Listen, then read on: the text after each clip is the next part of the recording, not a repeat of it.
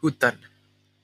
Sangat jauh kakiku melangkah tak tentu arah, meninggalkan jejak di tanah yang tersapu angin karena merekah.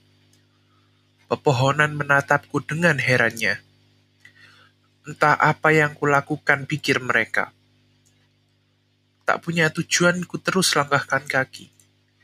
Mendengar para burung yang sedang bernyanyi. Bersahut-sahutan membentuk melodi.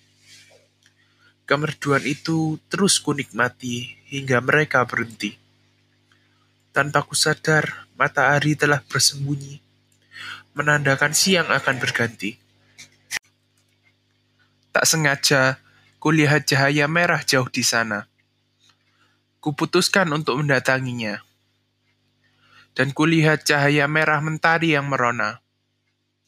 Keindahannya begitu menggoda tiada tara.